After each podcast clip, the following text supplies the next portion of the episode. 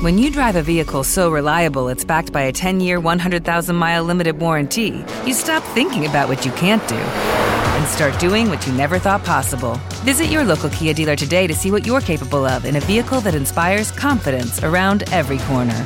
Kia, movement that inspires. Call 800 333 4KIA for details. Always drive safely. Limited inventory available. Warranties include 10 year 100,000 mile powertrain and 5 year 60,000 mile basic. Warranties are limited. See retailer for details. L'escola a la ràdio. Ràdio Cala. Hola, bon dia. Som el Brian, el Marco, l'Ariadna i jo, la Nasuri, alumnes de l'Institut Manol Huguer, i, fe i estem fent l'optativa de música i venim a parlar-vos del famós grup dels Beatles. Per començar, us posarem una de les seves cançons, Hey Jude. let her into your heart, you can start to make it better. Hey Jude, don't be afraid.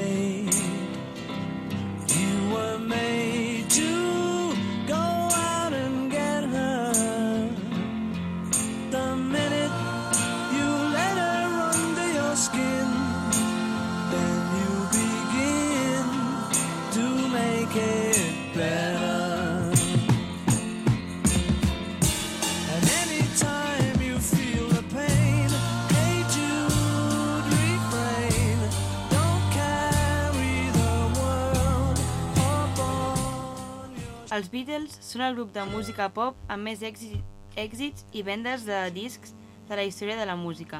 Les seves ap aportacions a la música i el seu impacte cultural van tenir una gran tra- transcendència en els anys 60 que segueix en els anys posteriors. A la dècada dels 50, en Liverpool, Inglaterra, dominava el caifli, un estil de música derivat del jazz, en el que es pot tocar amb el que es tingui més a mà, com per exemple llaunes, cubs, etc. John Lennon havia format en l'escola en què estava, que és anomenada Quarry Bank Grammar, una banda anomenada The Quarrymen, formada per alguns companys seus. Interpretaven versions d'Elvis i altres artistes. Més tard, va conèixer a Paul McCartney, gràcies a un, un amic en comú, Ivan, el qual els va presentar al finalitzar un recital de Quarrymen, el 6 de juliol de 1957. A partir d'aquest moment, John Lennon i Paul McCartney es van fer amics inseparables. Com que John era el líder del grup, va decidir que Paul s'unís a ells, no només per ser el seu amic, sinó que també perquè tocava molt bé de la guitarra, i també era l'únic d'ells que sabia afinar bé. Un temps després va conèixer George Harrison, qui els va semblar que tocava, la guitarra, que tocava bé la guitarra, tot i que no, no es va unir al grup fins un temps més tard, ja que era més jove que Paul i John. D'aquesta manera, John Lennon, Paul McCartney i George Harrison, junt amb Pete Best, bateria i Stuart Sutcliffe, baix, va formar una banda. Va canviar el nom en nombroses ocasions. Comença començarem com Silver Beatles, posteriorment el van canviar per Silver Beatles i amb aquest com van viatjar a Hamburgo, Alemanya, amb un pobre contracte on van tocar durant 8 hores diàries en unes condicions deplorables. També van conèixer a Astrid Kircher, un fo una fotògrafa que es va enamorar de Sutcliffe, la qual es va dissenyar un nom pentinat, el flaquillo que tantes persones van tractar posteriorment d'imitar. En aquells temps ja, ja es deien The Beatles. Con Tony de Sheridan va gravar un par de singles, però lo vist el grup va tenir una baralla callejera en Li- en Liverpool i mentre tots intentaven escapar, Tony no va poder. I uns anys després, Tony va tenir un derram cerebral i va morir. Això va deixar al grup un, una profunda tristesa. D'aquesta manera, Paul es va encarregar del baix i el grup va deixar Hamburg per tornar a Liverpool. Sense adonar-se'n, a Hamburg havien millorat molt amb la seva música i després d'un temps sense tocar van tornar a fer-ho, en un brut local, The Cavern, a Liverpool, on es donen compte dels grans progressos que havien fet. Brian Epstein, amo d'una casa discogràfica, va quedar impressionat en una, en una actuació en grup. Immediatament els proposa ser el seu mànager. Els nois accepten ja que tenien ga- ganes de gravar, però descobreixen que això no seria una feina fàcil. Després de molts cops Després de ser molts cops rebutjats per companyies discogràfiques, Brian els aconsegueix unes, unes proves per Parlophone, una sucursal de la EMI. George Martin, el productor de la EMI, que tenia que avaluar-los, va tenir una bona impressió, tot i que els va dir que si no canviaven de bateria no podrien gravar mai, ja que per ell no resultava de bona qualitat. Podria fer que la banda no tingués èxit.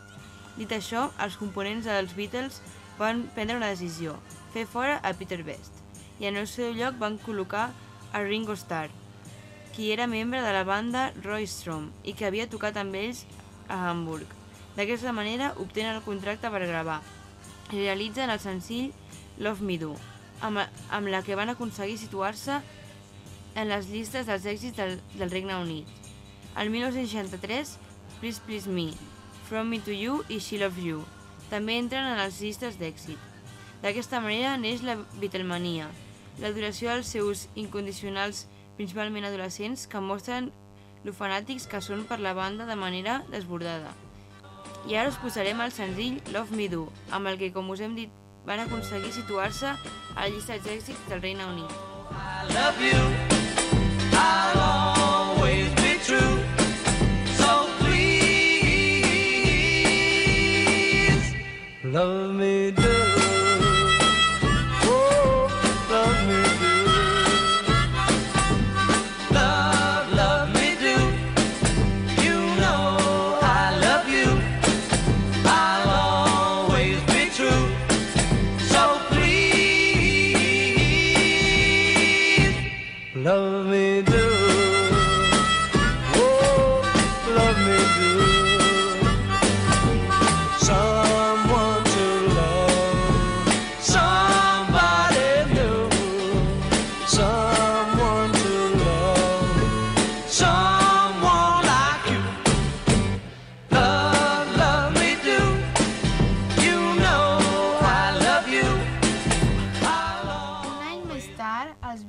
Saltaven al mercat nord-americà on els seus temes van arribar als primers jocs de les llistes d'èxit. Paral·lelament al seu treball musical aprofiten la seva enorme popularitat i graven algunes pel·lícules.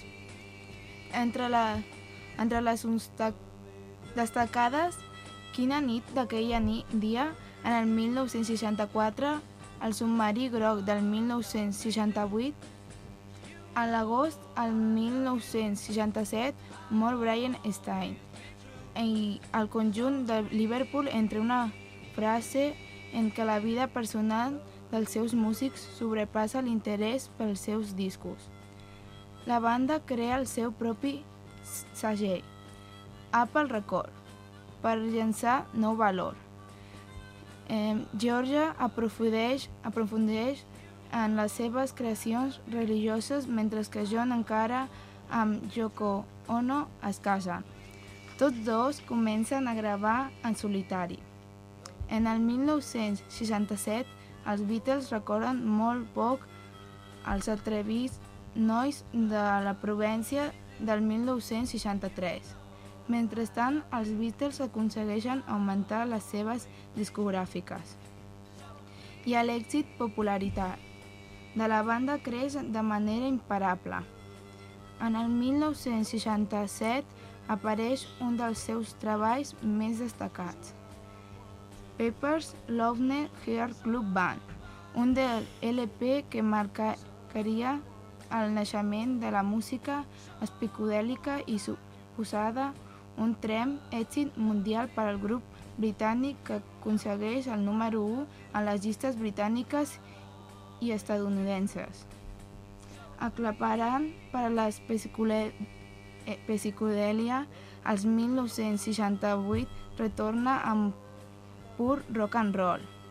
El 4 Beatles s'estan distanciant i així és difícil per als discos compactar quan els, els estils.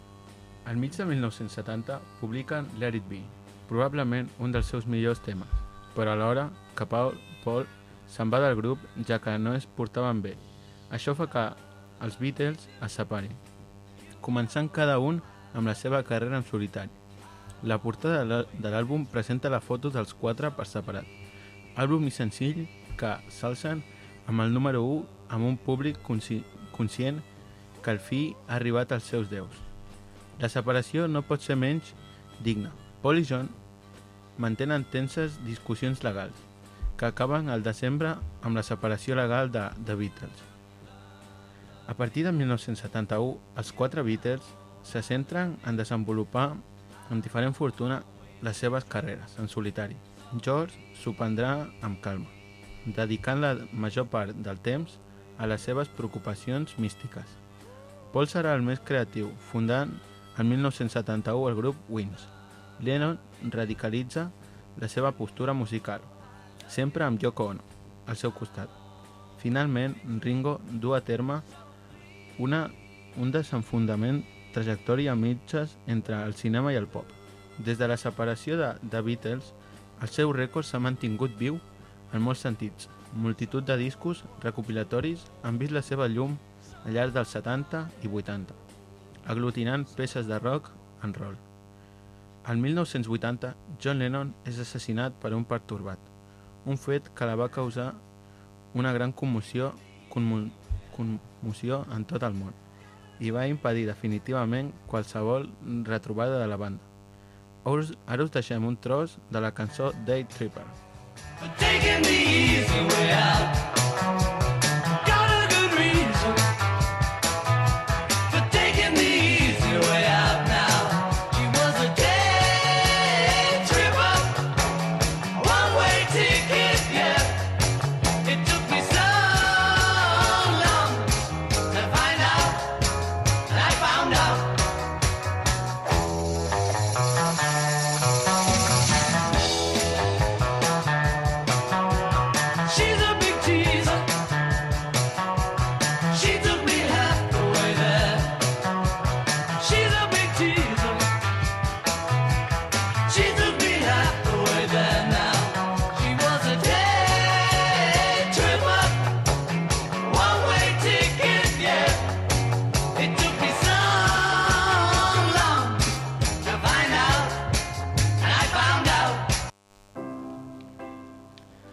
Ara us parlarem de la relació que tenien els Beatles amb la droga. Els Beatles i la seva relació amb les drogues i la filosofia oriental en setembre de 1966 anuncien durant un concert de San Francisco la retirada dels escenaris. A partir d'aquest moment, el grup, va el grup va abandonar la seva inseguretat primitiva per deixar-se arrastrar, arrastrar per les seves preocupacions espirituals. Les lletres d'amor van donar pas a les històries inquietes, a caràcter humà.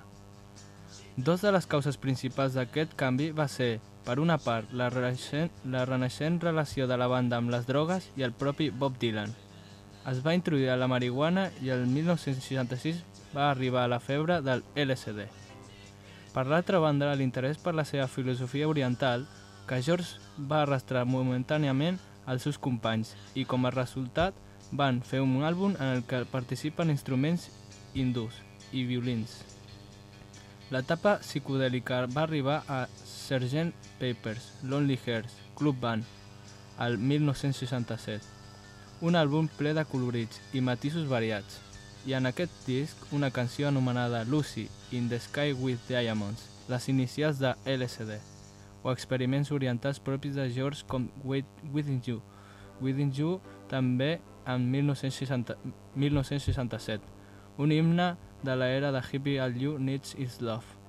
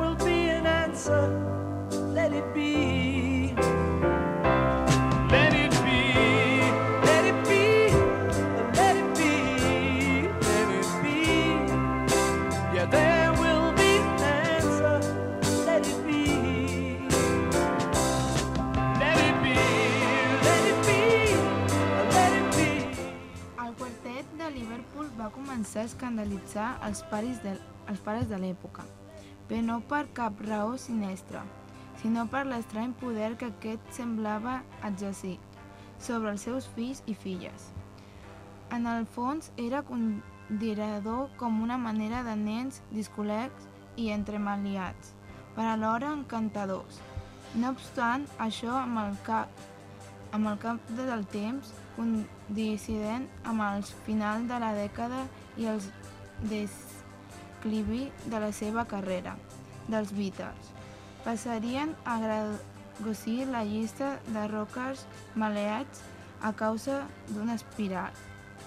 D'interpretacions errònies de les seves lletres, estranyes missatges ocults en les seves cançons van ser els primers a, a última en el 1966 la tècnica de gravar frases que només podien ser escoltades si es feia girar el disc a l'inrevés, que tant joc va donar més tard als grups Sestacs, ja els seus tractors, alguns declaraven que John Lennon tretes del context i un delirament noticial falsa sobre la mort de Paul McClary que no té desperdici algú. Ara us parlarem de la suposada mort de Paul McCartney i la conspiració de la resta dels Beatles per encobrir-lo amb l'ajuda d'un doble. És una història tan sorprendent i, i, retors i retorçada com la moda psicodèlica en l'expressió es va produir. I també consisteix en una prova de, de, de la importància d'aquest grup, ja que és difícil que l'audiència hagués reaccionat d'una manera tan apassionant i si el, si el parany Pi- Pete, o sigui Paul is dead, Paul està mort, com, com es coneix aquest assumpte en el món anglo, anglosa, anglosaxo, s'hagués produït en el sí d'una altra banda. Paul McCartney havia mort en un accident de trànsit a les 5 del matí del dimecres 2 de novembre de 1966. Segons Labour, l'accident es va produir quan Paul es va saltar un semàfor en vermell per mirar un agent de trànsit. El cotxe es va cremar i McCartney va perdre el pèl i les dents i va morir a causa de les seves múltiples ferides al cap. La notícia va ser censurada i ocultada per Beatles, qui es van afanyar per substituir-lo per un doble. Fred Lobour es basava en el fet que en la data assenyalada en el mateix lloc i a la mateixa hora realment van tenir lloc un accident en què va morir un jove de pèl llarg que va resultar tan desfigurat que la seva identificació va ser impossible. A més, els Beatles va convocar un concurs de dobles de Paul a l'hivern de 1965. Oficialment, mai es va anunciar el resultat, però hi va haver un guanyador, William Campbell, a qui li van pagar bé per, el, per ser el nou Paul, i qui, va, i qui malgrat la seva semblança amb Paul, va ser sotmès a una cirurgia estètica per evitar qualsevol sospita. Poc després, la suposada notícia es va anunciar a la ràdio i se'n va anar difonent per tot el món. I ara el Marco us, us explicarà la mort de John Lennon. El dilluns 8 de desembre de 1980, el músic John Lennon va ser assassinat de cinc trets efectuats per Mark David Champagne, amb un fan, un fan obsessionat amb l'entrada de l'edifici on residia l'edifici Dakota. Lennon acabava de tornar de l'estudi de gravació Record Plant a estudi amb la seva dona, Yoko Ono. Va ser declarat mort a l'arribar a St. Luke's Roosevelt Hospital Center, on a més es va assenyalar que ningú podria haver viscut més d'uns pocs minuts després de partir aquestes lesions, ja que havia perdut el 80% del seu volum sanguini. Poc després, A les estacions locals de notícies es va reportar la mort de Lennon, per la qual cosa es va congregar una multitud amb Roosevelt Hospital i davant de l'edifici Dakota. Va ser incinerat el 10 de desembre de 1980 en el cementiri Cliff de Hillsdale, Nova York. Les cendres van ser lliurades a Ono, qui va decidir no fer un funeral per ell, encara que es van realitzar diversos homenatges i tributs en honor seu. below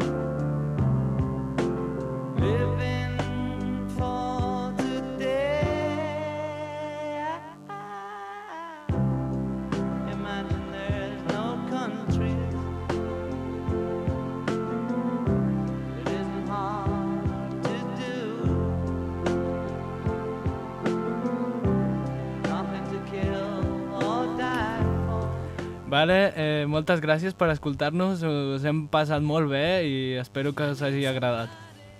Gràcies a tots i us deixem amb Help. You know I need someone help. When I was younger, so much younger than today, I never, needed anybody's help